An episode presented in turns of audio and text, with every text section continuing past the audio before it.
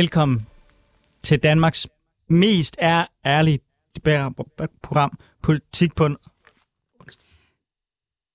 Det, her inviterer vi hver uge spændende gæster til politisk debat uden spænd og fastlåste politiske positioner. Og hvis du forventer neutrale værter, så er det det forkerte sted, som du er tunet ind. Ja, for mit navn det er Anders Storgård. Jeg er tidligere landsmand for konservativ ungdom, og så er jeg konservativ kommunalbestyrelsesmedlem på Frederiksberg. Og mit navn det er Sofie Lippert. Jeg stiller op til Folketinget for SF, og jeg er tidligere landsforkvinde for SF Ungdom. Så generelt, hvis du havde forventet neutrale debatværter, så er det bestemt ikke også. Men den næste time, der kommer vi til at vende ugens vigtigste nyheder øh, med skarpe gæster. Men vi starter altid hos os selv. Øh, så jeg vil egentlig bare starte med at spørge dig, Sofie. Hvad har fyldt noget for dig i ugen, der er gået? Jamen, øh, lige om lidt, der skal vi diskutere øh, de økonomiske vismænds, øh, sådan, jeg, jeg kan ikke huske, om det er en årlig eller en halvårlig rapport omkring, øh, hvordan går økonomien.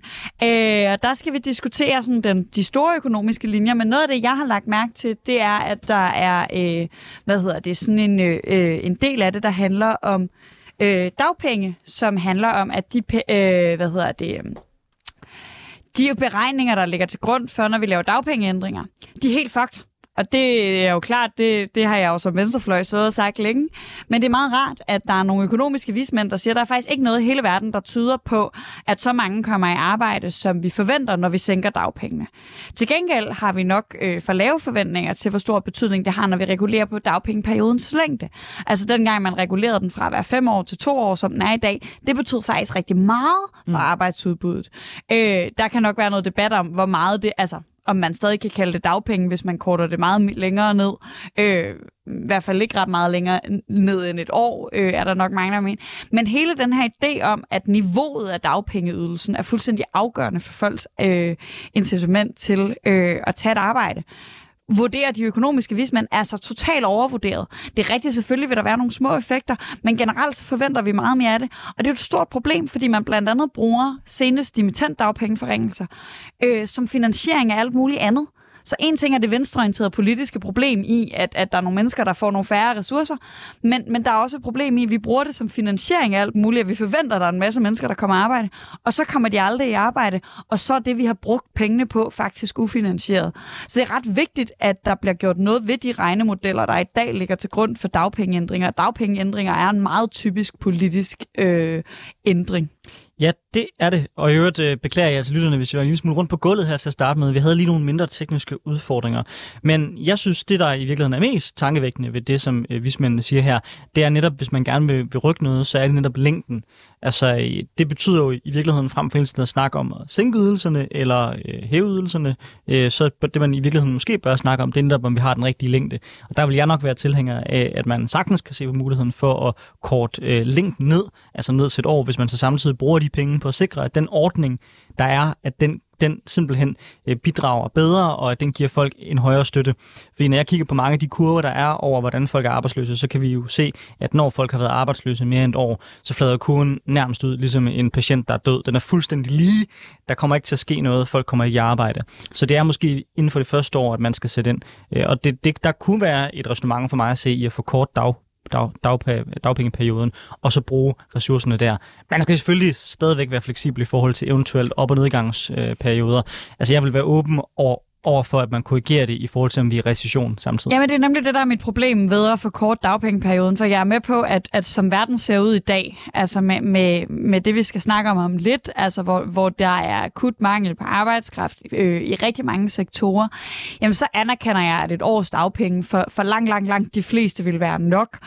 Grunden til, at jeg ikke vil gå med til det, det er, at vi har absolut nul tradition for både at reagere på, på økonomisk udsving, når det kommer til dagpengeregler. Øh, altså, øh, sen, altså, uanset om der er optur eller nedtur, så står øh, Cepos øh, med følge og siger, at dagpengene skal være lavere.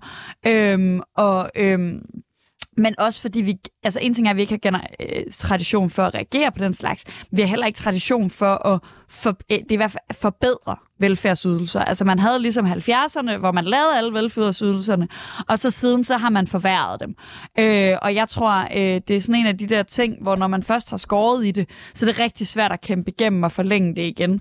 Øh, og derfor synes jeg, det er en rigtig dårlig idé, også selvom jeg tror, du har ret i, at et, et, et år er nok lige nu.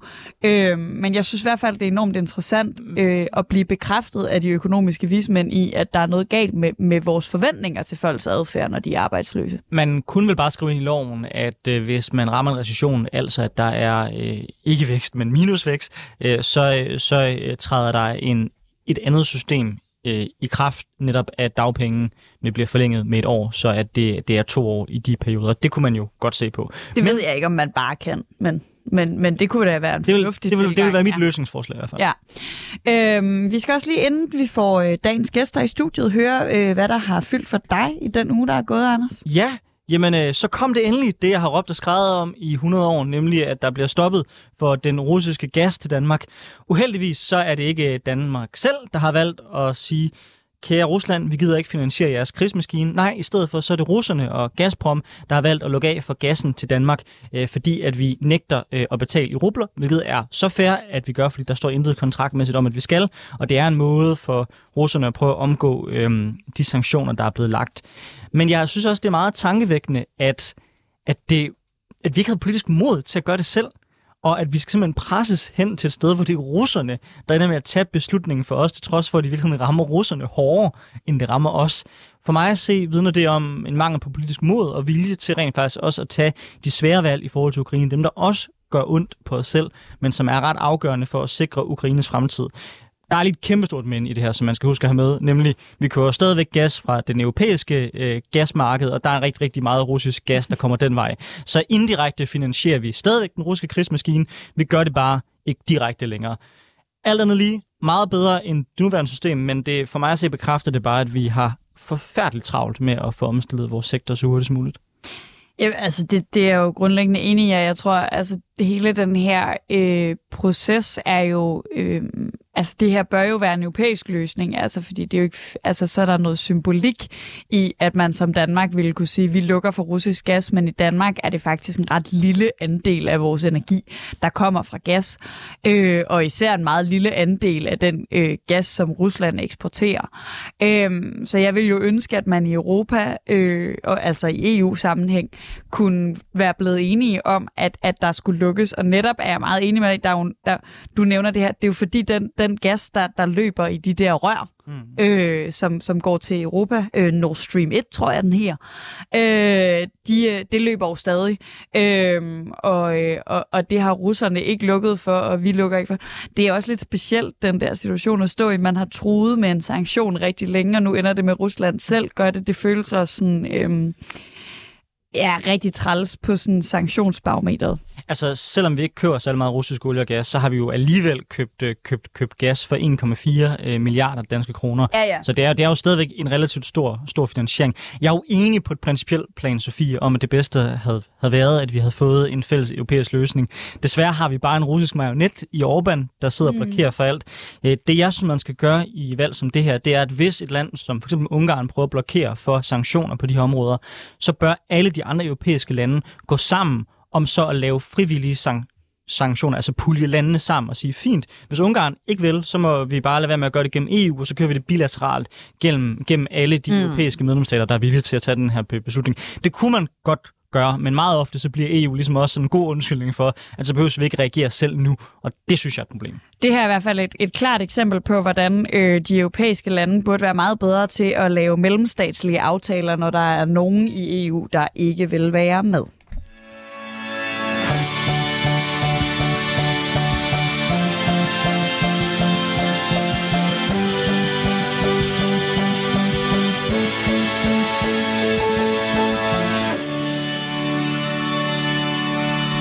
Du lytter til Politik på en onsdag med Anders Storgård og Sofie Lippert. Vi er ved at få tre gæster ind i studiet, men mens de lige finder sig til rette, så minder jeg jo lige dig, kære lytter, om, at du også kan deltage i debatten. Det kan du ved at downloade 24-7-appen. Derinde der er der en sød lille chat-funktion. Den finder du inde under programmet Politik på en onsdag, og der kan du skrive, hvis du lytter med her live mellem onsdag 10 og 12, kl. 10 og 12. Øh, der kan du øh, skrive, hvis du har nogle spørgsmål til vores gæster, mens de står i studiet. Er du mere en podcast-type, så kan vi desværre ikke forudse dine spørgsmål, og derfor nå at stille dem til gæsterne. Men til gengæld har du mulighed for at komme med inputs til, hvad vi måske skal debattere i næste uge. Ja, og her i studiet har vi fået besøg af ikke én, ikke to, men tre vanvittigt skarpe gæster øh, i dagens afsnit, øh, hvor vi kommer til at skulle diskutere øh, de økonomiske vismænds alarmklokker i forhold til den danske økonomi. Men øh, jeg vil altså, egentlig starte med at byde velkommen øh, til den første gæst. Det er dig, Alexander Blaunsfeldt. Du er øh, landsformand for øh, SF Ungdom. Velkommen til, til studiet. Vi lægger jo altid ud med at spørge folk om, hvad de har lagt mærke til i ugen, der er gået. Så igen, når du så åbner din avis eller din app og kigger på det, der sker, jeg tænker måske det er forbeholdet, men også ud over det, hvad har fyldt noget for dig i ugen, der er gået? Jo, men det er klart, øh, det, altså det er jo primært øh, forbeholdt. Øh, det hele morgen er gået med at snakke om forbehold og, og være ude og dele ud og sådan noget. Men, øh, men, men udover forbehold, så tror jeg også, øh, noget der i hvert fald har fyldt meget for mig personligt, har været DM i debat nu her, der er foregået, øh, det var i går. Øh, det var en, øh, en sjov oplevelse at være med for første gang. Desværre, øh, desværre gik jeg ikke videre, sådan er det jo en gang imellem. Men, øh, men og det har vil du lige fortælle lidt om, hvad DM i debat som koncept det er? Ja, jamen det er jo egentlig, øh, man, man inviterer øh, nogle, øh, nogle forskellige sådan, folk fra, fra forskellige organisationer, og så går man ind, og, og så er der ligesom en, en række runder, man går igennem, hvor man både holder en, en et minuts tale, og så får man ligesom point for det, så debatterer man imod hinanden og får, får nogle point for det og sådan noget. Og så, så ender det med, at man går videre, og så er der både en, en semifinal og en finale på folkemødet. Og det er, det er et koncept, som vi, som vi sagt mange gange tidligere, øh, har stiftet bekendtskab med. Både Sofie og jeg har været med. Sofie, hun var lidt bedre end jeg, for hun vandt nemlig. Øh, men det er noget, som betyder meget, særligt også for ungdomspartierne, fordi det også er lidt en måde, hvor I ligesom konkurrerer internt. Er det ikke korrekt forstået? Jo, det er det helt klart, og det er jo også lidt, øh, hvad kan man sige, for eksempel med, med SFU, der jo har tre tidligere øh, formænd og kvinder, der har vundet, blandt andet øh, Sofie, så er det jo øh, så er det klart, så er det, jo, så er det jo noget, der fylder, og det er noget, man, sådan, øh, man gerne skal tage med til, og, og noget, man gerne skal deltage i. Og så er det også bare fedt ligesom at få lov til at prøve sine, uh, øh, sine skills af, og prøve at forfine sine, sine evner lidt i, i debatter og sådan noget. Det, uh, det kan jeg godt lide. Kan du mærke presset? Ja, det er klart. Det, nu, nu er det jo først... Man kan sige, der er jo ikke nogen af dem, der har vundet det første år, så det er først næste år, presset kommer. ja, ja, og, og, og Nana to-tre år, så man, man har chancen for lige at tage den i, i, i tredje omgang, hvis man, øh, hvis man gerne vil det. Udover øh, at have dig i studiet, så har vi også besøg af Thomas Roden, der er folketingskandidat for det radikale Venstre og regionsrådsmedlem. Velkommen til. Mange tak. Vi spørger jo også lige dig, og jeg, du er jo radikal, altså, så jeg har næsten øh, forestiller mig, at der bare står EU i, i hele, hele panden. Men hvad har fyldt for dig den seneste uge? Jamen, nu synes jeg, vi har snakket nok om EU, øh, selv som radikal. Så jeg vil sige, det, der har fyldt allermest for mig den her uge, det er jo faktisk øh, den her vismandsrapport, der er kommet, øh, der har fortalt lidt omkring de her CO2-rabatter, som regeringen gerne vil uddele, hvor at, øh, de har fundet frem til, at, øh, at, at de her rabatter, der koster en milliard kroner om året, øh, de kan redde øh, 800 arbejdspladser i den her mineralogiske industri, altså Aalborg Portland. Men de koster lige så mange arbejdspladser i alle mulige andre industrier, så hele regeringens argument omkring, at man skulle altså give nogle rabatter for at, at redde nogle arbejdspladser, det holder jo overhovedet ikke. Det, det er bare fordi, man hellere vil have, at folk de skal arbejde med cement, end at de skal arbejde med jern, for eksempel. Og, og, og, og det skal så koste 1,2 millioner kroner per arbejdsplads, man skal rykke fra den ene sektor til den anden. Det synes jeg er med med er vanvittigt, øh, og, og det synes jeg burde være, ud over EU, ugens øh, helt store nyhed. Det er jeg helt enig med dig i, øh, og jeg tænker også som radikal, som sådan en øh, rapport, det må næsten være juleaften, for der kommer bare øh, argumenter for de fleste af jeres politiske områder, hver gang at det sker. Men der var dog en ting, som vi også diskuterede her, her i studiet, før I kom ind, som talte imod noget, som I har stået på tidligere, nemlig det her med øh, for øh, lavere dagpengesatser øh, for det øh, folk til rent faktisk øh, at søge arbejde hvor det vismændene jo siger, det er, at der er effekten ret begrænset. Det virker faktisk ikke særlig meget. Det, der virker, det er længden på dagpengene. Gør det, at I i det radikale genovervejer jeres position i forhold til dagpengene? Og man skal altså, huske, vismændene siger jo ikke, at der ikke er nogen effekt. Øh, de, øh, de øh, kan man sige, regulerer sådan set bare effekten. Og, og, og det tror jeg sådan set er, er, er rigtigt nok. Øhm, øhm, og det man kan sige, noget af den øh, diskussion, der har været på det der, har nok egentlig også, kan man sige, for mig som radikal, handlet mere omkring, altså hvordan, hvordan bruger vi vores penge bedst? Øh, fordi jeg tror egentlig, at, øh, at, at, øh, hvad kan man sige, i forhold til arbejdsløse i Danmark, og også den lave ledighed, der er lige nu, altså... Øh, øh det er begrænset, hvor meget mere man kan få ud af det der system, både med pisk øh, og gulderod. Øh, jeg tænker, det næste, vi skal til at finde ud af, det er måske, hvordan vi skulle have lidt færre mennesker ansat på vores jobcentre. Nu er der ikke nogen lede længere, så jeg ved ikke, hvad de render rundt og laver der, men, øh, men det kunne være, at vi skulle bruge lidt færre milliarder der i fremtiden. Det er jo sød musik i ørene på en konservativ.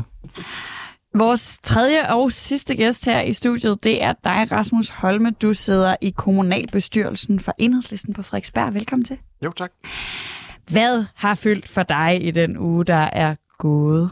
Jamen altså, udover øh, hele diskussionen om forbehold, så, øh, så har det fyldt for mig. Der var øh, kommunal øh, der møder i, på Rådhuset i, i mandags, hvor vi øh, besluttede delvist at nedrive Bispeengbuen og åbne op for øh, Ladegårdsåen og øh, en grøn parkområde. Øh, så kæmpe øh, altså, sejr for... Øh, for biodiversitet og den levende by og den grønne by. Så det, øh, det, har, det har været sådan det store for mig i den uge, der er gået. Og til vores øh, ikke hovedstadsbosatte øh, lyttere, så kan jeg fortælle, at Bispeengbuen er, er en, en, sådan en, en, en buet vej, øh, som alle hader. Af, altså det er sådan, når man er tilflytter i København, så er man sådan, hvad, hvorfor hader alle den her?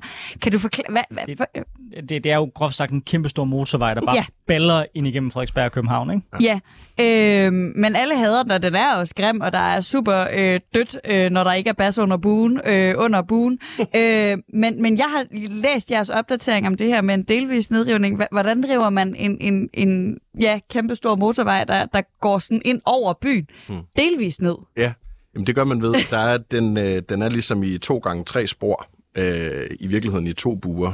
Og så tager man den ene ned øh, og anlægger åpak og lader ligesom den anden stå og breder den ud fra, fra tre til fire spor, altså to i hver retning. Og, øhm, og det er jo, det er, altså, gør, gør, at man kan etablere den her å, øh, eller, og park øh, fem år tidligere. Det er fem gange så billigt, fordi du ikke skal anlægge en tunnel, og det er 50 gange så, CO2, så CO2-venligt, øh, fordi du ikke skal, apropos øh, cement ikke? Øh, og beton. øh, ja. Der er jo øhm, stadigvæk usikkerhed om, hvorvidt staten har til sinde at gå med ind i et sådan projekt og være med til at finansiere det. Øhm, hvor sikker føler du dig på, at det her det bliver en prioritering, hvor staten kommer til at komme med en portion penge? Fordi man har jo set i mange år, mm. øh, at det ikke har været for eksempel i midten af hovedstaden, man har prioriteret de fleste infrastrukturelle for, forbedringer. Ja, nej, øh, desværre, som Frederiksberg-politiker kan man jo sige, men, men øh, det, det er sådan set øh, øh okay fortrøstningsfuld omkring, fordi der jo i forvejen skulle den renoveres, øh, så der er, jo, der er jo nogle penge afsat til det, som man så i stedet for kunne bruge til, til noget af det andet her. Så der, der ligger der allerede en del af finansieringen, og hvad man sige, i forhold til, hvor meget det vil hvor meget det vil give hovedstaden, øh, så, så, så synes jeg, at det er øh, relativt få penge, man får rigtig meget godt ud af. Øh, så det, det tænker jeg godt, at vi kan presse regeringen til. Thomas Rodén, Rasmus Holme og Alexander Blaunsfeldt, velkommen til Politik på onsdag.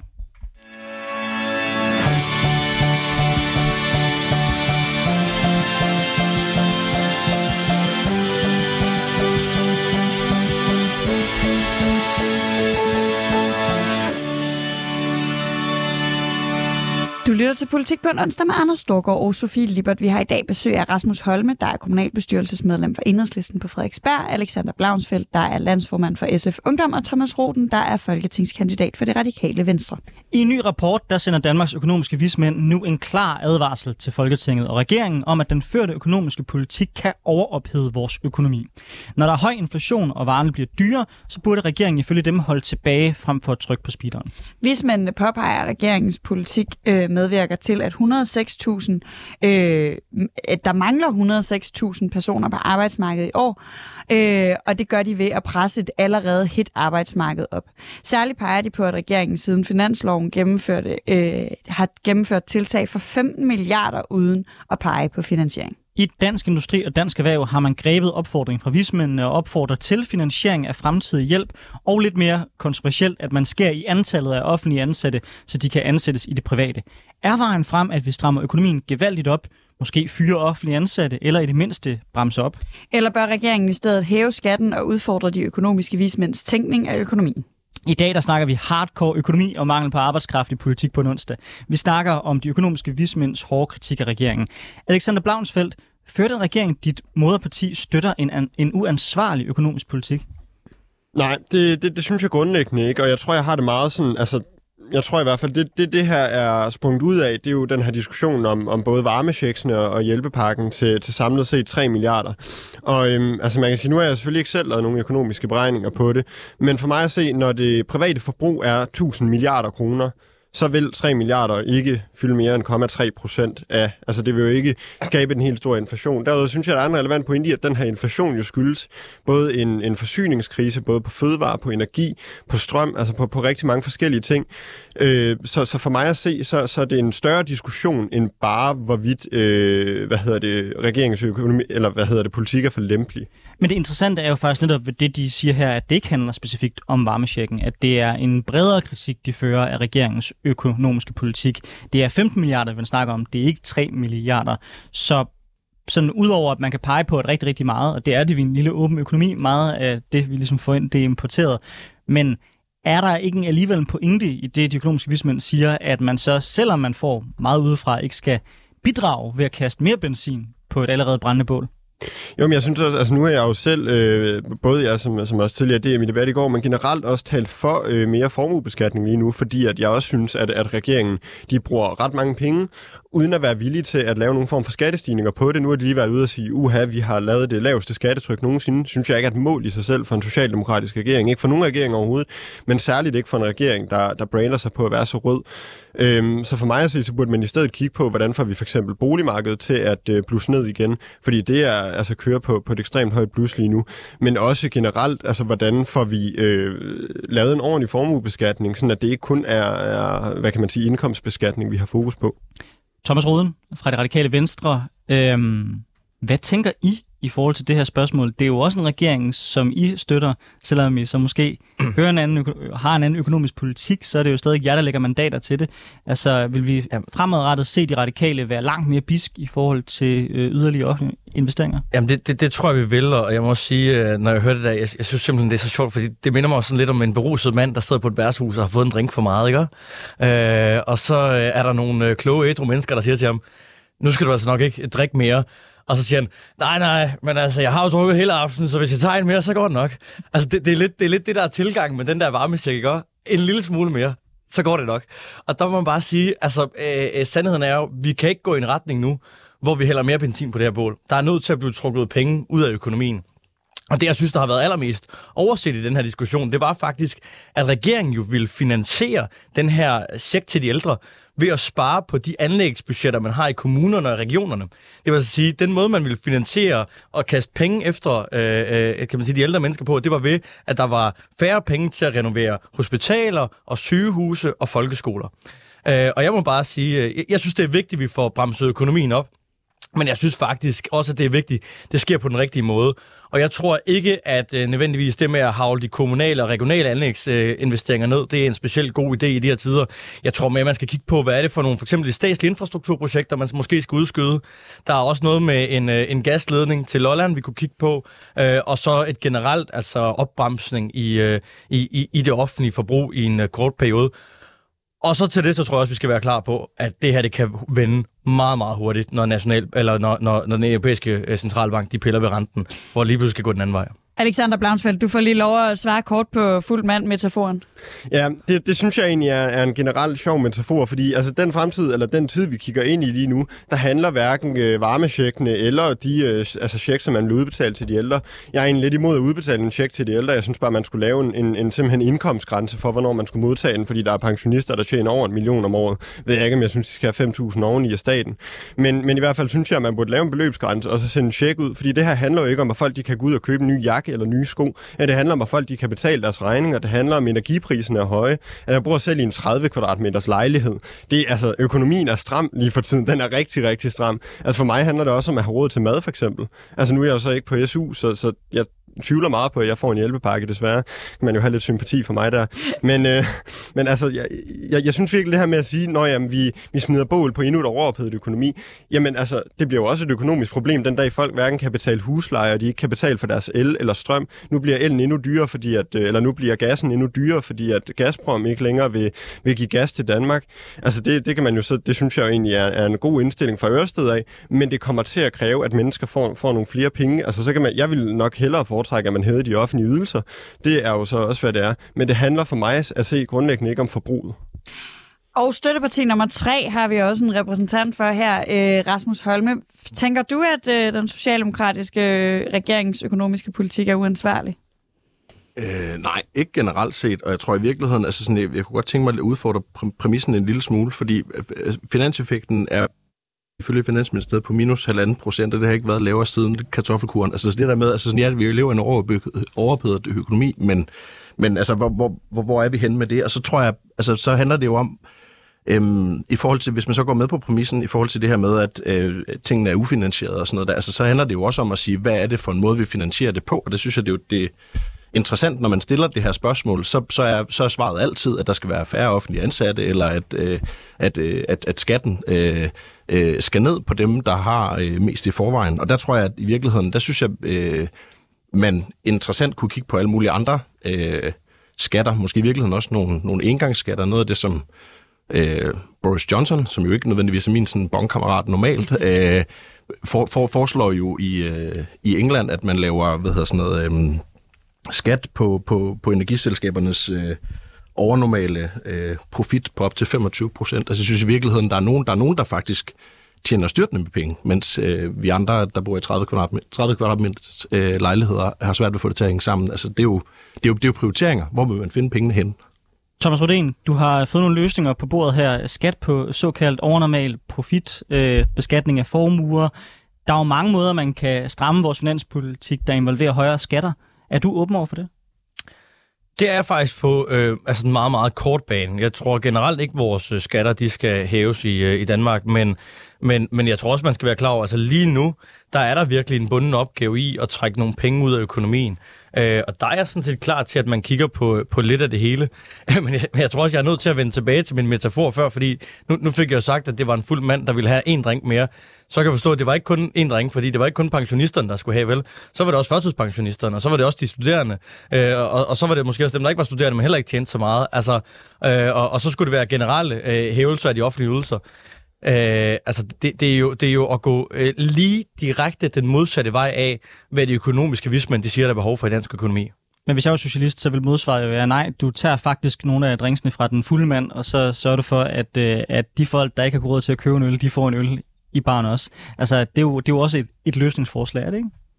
Jo, jo, altså hvis man så vil finansiere det hele direkte med, med høje, højere skatter med det samme, men det der er udfordringen ved det, det er vi ved, at højere skatter, de trækker øh, udbud, altså arbejdsudbud, ud af, ud af arbejdsmarkedet. Og det der er jo den anden store problem lige nu, vi er, nø- vi er nødt til at løse, det er, at der mangler arbejdskraft i Danmark. Og det er også med til at trykke på lønningerne. Det er med til at øge inflationen endnu mere. Og jeg må bare sige, altså det, det her med arbejdskraft, det bliver den største politiske udfordring i Danmark de næste 10 år. Altså, der er jo, uanset hvor man kigger hen, om det er kommuner, om det er regioner, om det er private virksomheder, alle skriger på arbejdskraft.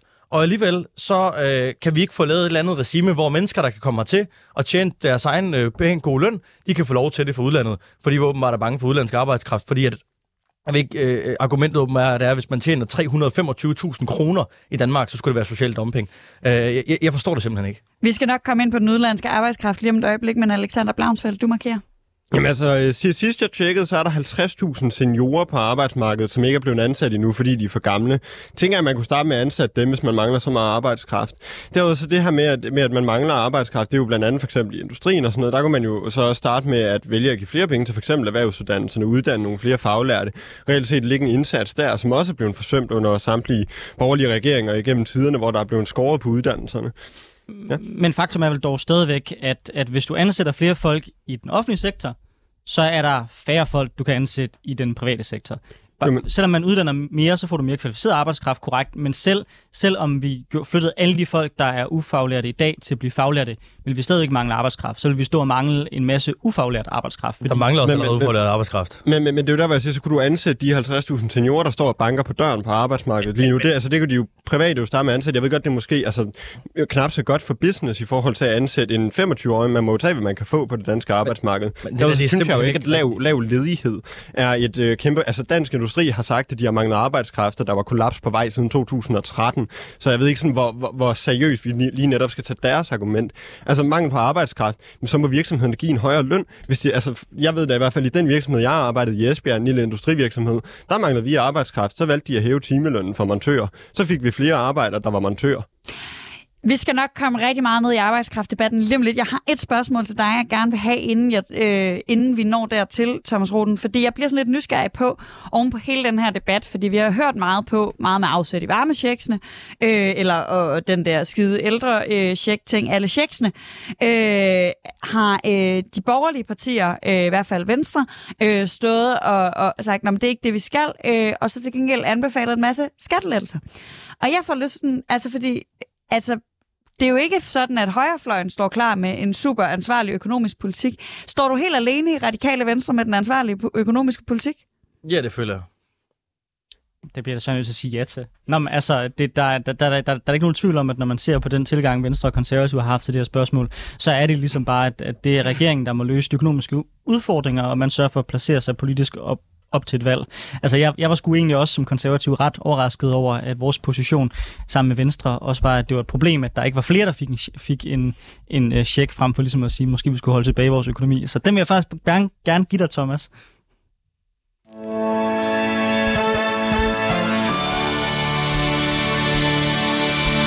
Og du lytter til Politik på en onsdag med Anders Storgård, der tæller sit eget parti ned, og Sofie Libert, hvor vi har besøg af Rasmus Holme Nielsen, der er kommunalbestyrelsesmedlem for Enhedslisten på Frederiksberg, Alexander Blaunsfeldt, formand for SFU, og Thomas Rodén, der er folketingskandidat for det radikale venstre. Og så har vi også været igennem alle udtalemåder af dit efternavn i det her program. Er. Det er dejligt. Jamen, det er så fantastisk, hvor ofte jeg skal, diskutere, jeg skal diskutere med folk, hvad du rent faktisk hedder. Men vi er enige om, du hedder Roden. Ja, ja, men altså, Grodén, vi, vi kan fint køre den ind med det. Okay, altså, jeg, fedt. Jeg, jeg, jeg, er ikke, jeg er ikke så kredsen. Du er ikke så kredsen. Nej, øh, det er en stor debat øh, i Journalist Danmark. Nå, de økonomiske vismænd kom med flere løsningsforslag øh, til, hvordan det kan sikres, at økonomien ikke kører af sporet. En af de forslag, de peger på, er mere arbejdskraft uden for EU. Altså arbejdskraft, der kommer til Danmark fra ikke-europæiske lande. Helt konkret, der foreslår vismændene, at grænsen for, hvornår man kan ansætte arbejdskraft uden for EU, sænkes, så man fremover skal tjene 375.000 kroner frem for de nuværende 448.000. Det er et forslag, som tidligere har været diskuteret, men også dengang mødte stor modstand politisk. Thomas Roden, det er en radikal mærkesag, at vi skal have flere, udla- flere udenlandsk arbejdskraft. Fl- mere udenlandsk arbejdskraft. Men er du ikke bange for, at det kan være med til at presse lønningerne? Nej, lønningerne de går op af et fuldstændig vanvittigt niveau i Danmark. Det er jo ikke rigtigt. Altså, lønningerne er jo på ingen måde øh, sådan den generelle... Øh, Ej, nu er der, nu, nu, nu, nu, nu, nu, Arbejderlønninger er jo nu, ikke nu, steget nu, nu, nu, voldsomt nu er der inflationsting, men, men, men altså, øh, lad mig komme med et meget godt eksempel. Ikke? Øh, overalt i Danmark, der mangler vi chauffører, lastbilchauffører, der kan køre rundt øh, inde i vores land. Det er en øh, relativt kort uddannelse at tage. Øh, øh, de store organisationer, de tilbyder lige nu, at man kan tage et lastbilkørekort betalt, og få bagefter en løn på 50.000 kroner i måneden. De kan ikke skaffe nok mennesker. De kan ikke skaffe nok mennesker. Det er fuldstændig vanvittigt. Og, og det vi jo taler om her, det er jo mennesker, der skal komme hertil. Have en kontrakt, hvor de tjener mindst, hvad er det, 325.000 eller 350.000 om året. Altså, øh, når man tjener 325.000 kroner i Danmark, så mener jeg ikke, at man er løndomper. Så mener jeg sådan set, at man tjener en rigtig, rigtig, rigtig fin løn. Jamen, det, det afhænger af, hvilken vej man vil have løn til at gå. For mig at se, så er der intet problem i en lastbilchauffør tjener 50.000. Jeg synes egentlig godt, man må tjene penge, selvom man ikke har det mest prestigiøse erhverv i verden. Jeg hører tit den her med også i forhold til, når en fagbevægelsen, de vil bare presse lønnen op og presse lønnen op og presse lønnen op. Hør, jeg særligt hørt den i, i forbindelse med havnearbejdere i Esbjerg. Og der har jeg det jo meget sådan, altså, må man ikke tjene penge? Altså, må, må man ikke øh, få højere løn, når der mangler arbejdskraft, fordi man er noget af det bedste, der er? Øh, jo, man må gerne få højere løn. Det jeg bare siger, det er, hvis andre mennesker, de kan komme hertil fra udlandet, og være med til at bidrage til det danske samfund, så skal der også være plads til dem. Men, du må tjene lige præcis men- det, du vil. Rasmus Holme, øh, vismændene, de bryder faktisk ind i den her diskussion og siger, at øh, der er ikke, de mener ikke, at der er tegn på, at hvis man åbner op for mere udlandsk arbejdskraft, det presser de danske lønninger. Øhm, Enhedslisten slår mig ikke som et parti, der er sådan øh, viderligt fremmedfjendsk, hvis man skal øh, bruge det, øh, bruge det øh, ord.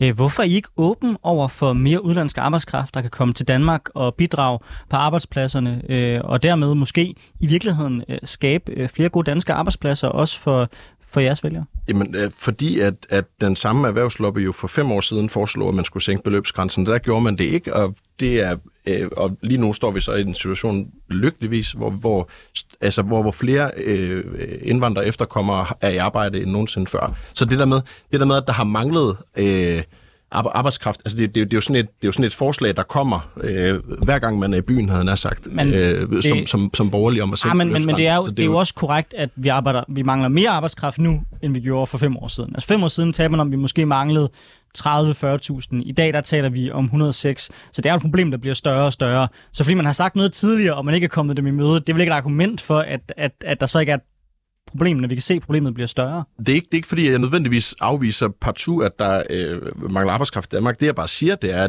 at det har man sagt så mange gange før, hvor det så ikke har været tilfældet. Og det er bare det, er bare det der er point for mig. Så tror jeg i virkeligheden også, øh, altså, at, altså der er rigtig mange på, på deltid, der bliver snakket om seniorer. Altså, jeg tror, jeg tror der er sådan grundpræmissen om, at vi skal hente, der er også sindssygt mange øh, arbejdsløse rundt omkring i Europa, altså øh, Portugal, Spanien, øh, Frankrig, øh, hvor, hvor, der, hvor, hvor der er fri bevægelighed. Så, så jeg tror i virkeligheden, der, der, der, der er flere ting i det her, som du kan løse på flere måder. Altså et er, og for dem, der ikke er i arbejde, i arbejde, der er dem på deltid, du kunne øh, skrue op, der er seniorer, der er europæisk arbejdskraft, og så er der i virkeligheden også spørgsmålet om, hvorvidt at, at hvad skal man sige, det, det bliver talt som sådan et problem, at vi har lav arbejdsløshed i Danmark, eller sådan fordi at nu, nu, nu, er det, nu er der så ikke flere medarbejdere, så nu, nu kan virksomheden ikke tjene endnu, endnu flere penge, end de allerede gør. Øh, stakkels virksomheder, eller sådan, altså jeg tror, formålet med finanspolitikken må være at skaffe folk øh, arbejde. Altså, og det, det er ligesom, på den måde går det jo meget godt, kan man sige, ikke? Men, men jeg, jeg vil gerne spørge noget her. Der sidder en, en dansk virksomhed, det kunne sådan set også være en offentlig myndighed, øh, der mangler arbejdskraft der øh, øh, melder sig en, lad os sige, brasilianer eller argentiner på banen, der vil komme til Danmark. Han får øh, 350.000 kroner om året for at udføre sit arbejde, betaler skat af dem, er med til at bidrage til det danske velfærdssamfund og er med til at udføre en funktion. Hans levestandard stiger, det danske samfund bliver rigere. Altså, hvem, hvem er det, det går ud over det her? Hvad, hvad er problemet? Jamen, Altså, når man, altså i, for, i forhold til øh, argentineren eller øh, øh, spanieren eller sådan noget, så handler det jo også om at sige, hvis vi, hvis vi er i en situation, hvor vi har lav arbejdsløshed øh, i Danmark, hvis det ligesom er præmissen, og der ikke er nogen, øh, der kunne gå op i tid eller seniorer, hvis vi ligesom går med på den præmis om, at der ikke er øh, flere medarbejdere i Danmark, så, handler det, så, kan det, så, kan man, så kunne man jo også godt sige, at nogle af de steder, hvor arbejdsløsheden er enormt stor, altså er det så ikke fint nok, at det er dem, der får ordrene? Men, men, altså, hvorfor er, det, hvorfor er det os, der partout skal have ordrene, men, når, når, man, når man i Frankrig, men det er jo en i Spanien, i Argentina, der frivilligt vælger at komme til Danmark, fordi han kan få en god løn. Ja, fordi men, der ikke er et job i Argentina. Altså, hvad, hvad, hvad hvis ordren lå i Argentina? Men, men Thomas, hvorfor må han ikke få 448.000? Fordi det, der under mig ved den her debat, det er rigtig tit, hvad det er for nogle mennesker, som partout skal tjene mellem 31.000 og 37.000 kroner om måneden, som vi mangler så akut. Altså, jeg, jeg, jeg, jeg er totalt jeg, jeg aner ikke, hvorfor det er så afgørende, at man kan betale dem 6.000 kroner mindre om måneden. Hvorfor er det så afgørende for...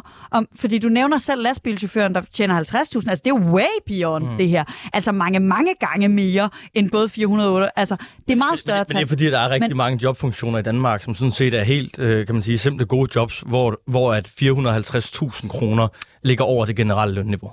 Ja, men, men, men, men hvad er det for nogle jobs, som, som ligger lige det her lønniveau? Fordi det er jo heller ikke de ufaglærte. Altså, jeg nævnte tidligere, at det ufaglærte, ufaglærte tjener ikke i nærheden af 31.000 heller. Altså, så skal vi have beløbsgrænsen meget længere ned, hvis det er dem, vi skal have med. Hvis det er rengøringsfolk og hotelpersonale øh, og, og den type arbejde, vi mangler, så hjælper det jo ikke at sænke, fordi dem vil, vil man jo heller ikke betale 31.000 kroner om måneden. Åh, jeg tror nu nok, der er nogle rengøringsdamer i Danmark, der tjener 31.000 i måneden. Det tror jeg også, der er på nogle gode lønforhold, men der tror jeg også øh, godt, du kan få folk... Kan du ikke få folk fra Europa, kan du ikke få folk fra, fra Danmark til at tage et rengøringsjob for 31.000? Altså, 82 procent af faglærte tjener over 360.000. Så altså, hvis man sænker den til 350.000, så vil du de facto presse lønnen på de 82 procent af faglærte. Når, når der er så mange, der tjener mere end 360.000, kan jeg ikke se pointen i at sænke den så meget. Hvis det er flere faglærte, man vil tiltrække, så må man ansætte nogle udlandske faglærte til den samme pris som en dansk faglært. Men, men, men der, er jo, der er jo masser af faglærte øh, arbejdere i Danmark også, der ligger øh, på det her. Det er jo fordi, der er nogen, der Ja, trækker, der er nogen, der trækker 18%. gennemsnittet rigtig, rigtig meget op øh, 18%. i, i, i, i, i den her sammenhæng. Alright. Nej, nej, altså, men, det, men, det her, det er jo men kon- konkret. Altså, hvad- hvad er- 82 hvad er- procent øh, af jeg- alle. Jeg, jeg står ikke, jeg står ikke. Altså, I, I er nødt til at forklare mig. Hvad er problemet i, at mennesker frivilligt vælger at komme til Danmark og arbejde i Danmark, bidrage til det danske velfærdssamfund på en løn, der ligger over de fleste overens, altså der ligger over overenskomstniveau? Alexander Blauensfeldt, kort svar. Det er, at de skal have den samme løn som danske lønmodtagere. Men det, det, det er jo, det er, jo- altså, Det det, det er får de overenskomst, fordi- overenskomst. 300, øh, 350.000, det er over dansk overenskomst. 82 procent. Men de regler, der er i dag, de siger jo, at selv hvis vi sænker beløbsgrænsen til, til de her, øh, hvad er det, 375.000, så skal de stadigvæk overholde danske løn- og arbejdsvilkår. Det er jo en del af hele beløbsordningen. Medmindre du totalt scrapper ordningen, så står der jo allerede, at det skal overholde danske løn- og arbejdsvilkår. Så, så dit argument... Men, men, det, men det ved vi jo, at de ikke gør. Altså, vi, vi ved, når beløbsgrænsen til det her. Der er rigtig mange virksomheder, der snyder. På beløbs... Altså, Altså, Beløbsgrænsen. Nej, jeg ved ikke, altså på beløb, men generelt på arbejdspladsen. Ja, men altså det, både, men det, både men inden for det, EU og men det, uden for EU. Men det er inden for EU. Det er ikke uden for EU. Nå, men Thomas, jeg har et spørgsmål til dig. Øh, vis, ikke, ikke vismændene, øh, men øh, Finansministeriet har beregnet beløbsordningen. De sagde, at hvis man bare scrappede hele, hele, hele ordningen, så ville det være stærkt begrænset, hvor mange arbejdspladser man ville kunne få ud af det. Jeg mener, øh, sådan, øh, Ja. at tallet var 2.500. Så altså, ja. er det ikke det- lidt en voldsom diskussion, vi hele tiden skal Men, have? i der, er, meget, meget, der, er, der, er en, øh, der, er en, der er en ret stor, men der er også en, en stor faglig diskussion faktisk omkring beløbsgrænsen og hvor meget den rent faktisk giver. Øh, og jeg, jeg, jeg skal være helt ærlig og sige, at jeg er ikke helt nede i de tekniske detaljer på den, men, men, men der, er et, øh, der er et stort fagligt spænd, og jeg tror, det ligger omkring de der 2.500 til 6.500, og beløbsgrænsen øh, gør jo ikke noget øh, alene. Der er rigtig mange andre øh, regler, vi også skal have set på, der kan gøre det lettere at, at tiltrække udlandsk arbejdskraft øh, til Danmark. For eksempel så har vi jo for eksempel fast-track-ordninger i Danmark i dag, hvor man har besluttet sig for, at virksomheder, der har under 20 medarbejdere, åbenbart ikke kan øh, benytte fast-track-ordningerne. Og, og sådan er der rigtig mange ting, og et fuldt fuldstændig vanvittig byråkrati omkring de her ting. Øh, man skal have en dansk bankkonto, men så når man kommer til Danmark, så går der tre måneder, før man overhovedet kan få et sygesikringskort, så man kan få en dansk bankkonto. Du ved. Altså, det er jo klassisk dansk byråkrati, der er med til at ødelægge al kreativitet og livsløst i mennesker. Øh, der er meget at gøre der. Bare lige, fordi nu bliver det hele lidt teknisk, så kommer jeg lige med en lang række opklarende her. For det første, så er det selvfølgelig ikke arbejdspladser, der kommer flere af, men, men arbejdstager, øh, hvilket er en ret afgørende forskel. Øh, ligesom når folk siger arbejdsudbud, så er der også mange, der tror, det betyder, at der kommer flere arbejdspladser. Mm. Det betyder, at der kommer flere til at tage de arbejdspladser, der faktisk er. Når det er på plads, så i forhold til danske løn- og arbejdsvilkår i Danmark, har vi ikke så meget lovgivning omkring løn- og arbejdsvilkår. Så når reglerne er, at det skal være på danske løn- og arbejdsvilkår, så er det svært at sige helt præcist. Men det vil ofte være, at det skal være på overenskomstniveau. Det er dog tilfældet for rigtig mange mennesker, at de får en anden løn, alt efter hvad de er for en, en arbejdstype, end den, der står i overenskomsten, typisk højere. Øh, er det for eksempel IT-personale, som vi har talt meget lidt om, øh, men som tit er det, vi snakker om, når vi snakker om de her ting, så øh, er de aldrig på overenskomst, fordi øh, vi alle sammen øh, inden for ingeniørområderne er kontraktansatte.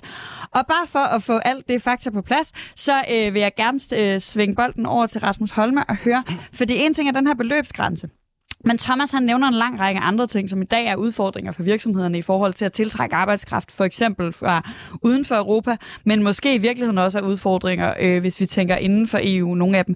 Er du villig til øh, måske ikke at sænke beløbsgrænsen, men, men, men er der en pointe i at se på nogle af de her udfordringer, som virksomhederne oplever med at tiltrække arbejdskraft, for eksempel i form af byråkratiske regler og, og benspænd og, og tjek og kontrol? Er der noget af det, vi skal løsne op på for at give virksomhederne mulighed for at få, øh, få flere arbejdstagere? Altså, det kunne der sagtens være, og hvis man siger, altså, bio, bio, biokrati, der er unødigt, er, unødigt, og det skal fjernes. Men, men jeg tror, at, jeg tror, at hele den der, altså uden at sådan, øh, blive sådan de kolde hænders forsvar, så tror jeg, der er, altså, der er jo også noget, altså bio, biokrati, altså, ved, altså, man kunne også spørge sådan, hvis man afskaffede alt byråkrati, hvad ville der så ske? Jamen, så ville du miste sindssygt mange rettigheder, så ville noget af den kontrol, der faktisk øh, bliver ført på en måde, der sikrer øh, lønmodtagere eller lejere eller alle mulige ting. Altså, sådan, der er jo alt mulig kontrol, der sikrer helt almindelige mennesker bedre vilkår, end hvis kontrollen ikke var der. Så, altså, men, men, men klart, altså den unødige kontrol, der bare bremser, og som ingen, ingen rettigheder giver, klart, den skal vi da have, have, have afskaffet. Hvad det præcis er for, altså, øh, altså der kan jeg ikke bare lige liste fem, 25 konkrete eksempler op, men, men, men klart, det skal det da. Alexander? Jeg er meget enig. Jeg synes også, der er generelt for meget byråkrati på indgangen til det danske arbejdsmarked. Det synes jeg også, vi har set i forhold til, til ukrainske flygtninge her, at de kan komme ind, og de behøver ikke nødvendigvis have en arbejdstilladelse, før de begynder at arbejde. Altså, det, det synes jeg faktisk er en, er en positiv tilgang, sådan, når man kigger på flygtninge. Så længe man er sikret, at arbejdsvilkårene, lønnen, altså de ting er i orden, så synes jeg egentlig, det er fair nok, at man kan give dem en hurtigere start på arbejdsmarkedet. Altså uden at gå, gå total integrationsdebat i det. Men jeg, men jeg synes virkelig, der er nogle steder, hvor man, hvor man kan kigge på det, og reelt set gøre det altså, nemmere at, at, at komme ind på det danske arbejdsmarked. Øhm, men jeg synes simpelthen, altså for eksempel det at sænke beløbgrænsen, det synes jeg bare ikke er måden at gøre det på. Jeg synes fint, hvis vi kan ansætte folk til en overenskomstmæssig løn osv., men når vi ved, hvor stor en andel af jobs, hvor den overenskomstlige løn er langt over de der øh, 375, eller hvor meget man nu diskuterer at sænke den til, så synes jeg, det er sjovt at diskutere at sænke den til det.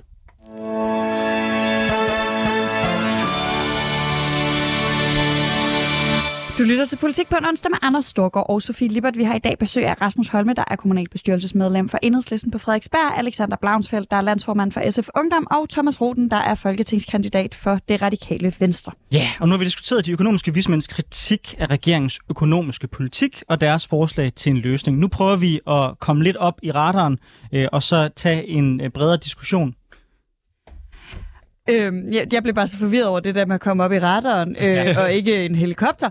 Men er det overhovedet et problem, at væksten falder? Og er øh, øko- de økonomiske vismænds syn på økonomien virkelig et udtryk for en gammeldags og dogmatisk øh, syn, hvor det eneste mål er øh, mere vækst og mere arbejdskraft?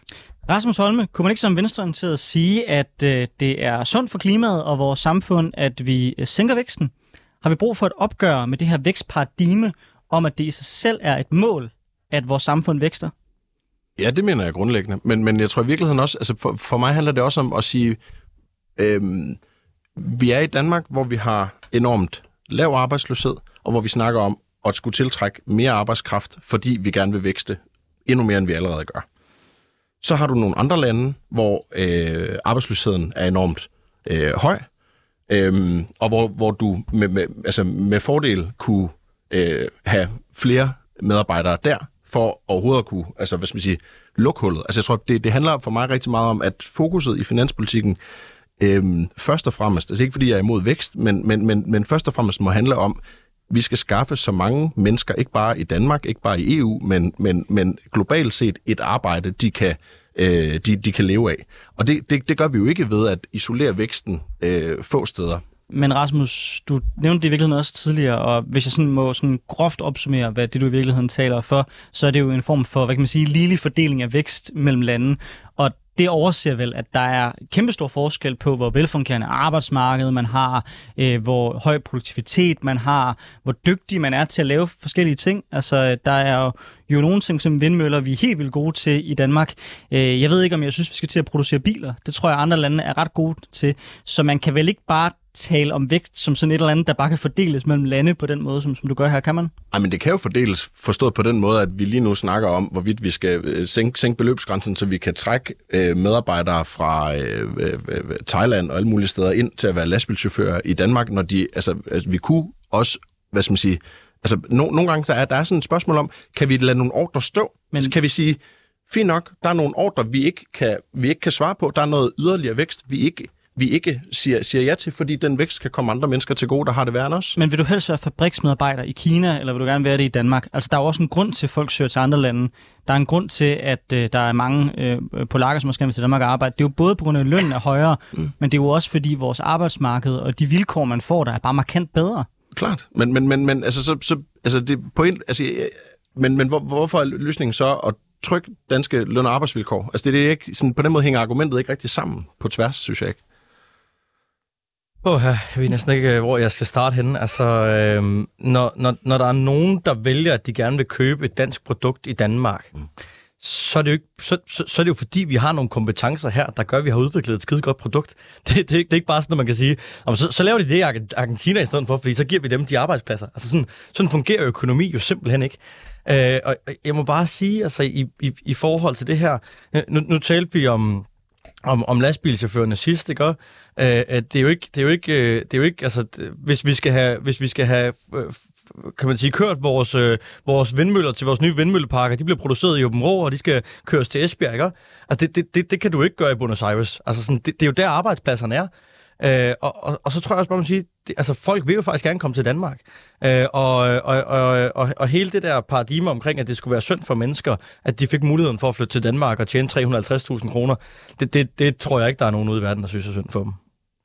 Jeg tror heller ikke, der er nogen, der synes, det er synd for folk ude i verden, at, at de må det, men man har, øh, har Rasmus øh, ikke en pointe omkring noget international solidaritet i, at, at vi netop lige nu trækker arbejdskraft, og vel at mærke ret kompetent arbejdskraft, hvis vi lønner dem øh, et eller andet sted omkring 400.000 kroner. Altså det er jo de dygtige folk, vi trækker ud af lande, som måske har sværere ved øh, at, at opretholde det, et godt arbejdsmarked. Det mest internationalt solidariske, man kan gøre, det er at gøre Danmark så stærkt som muligt, lad det være et land, hvor vi laver så mange dygtige løsninger, så mange gode produkter som muligt.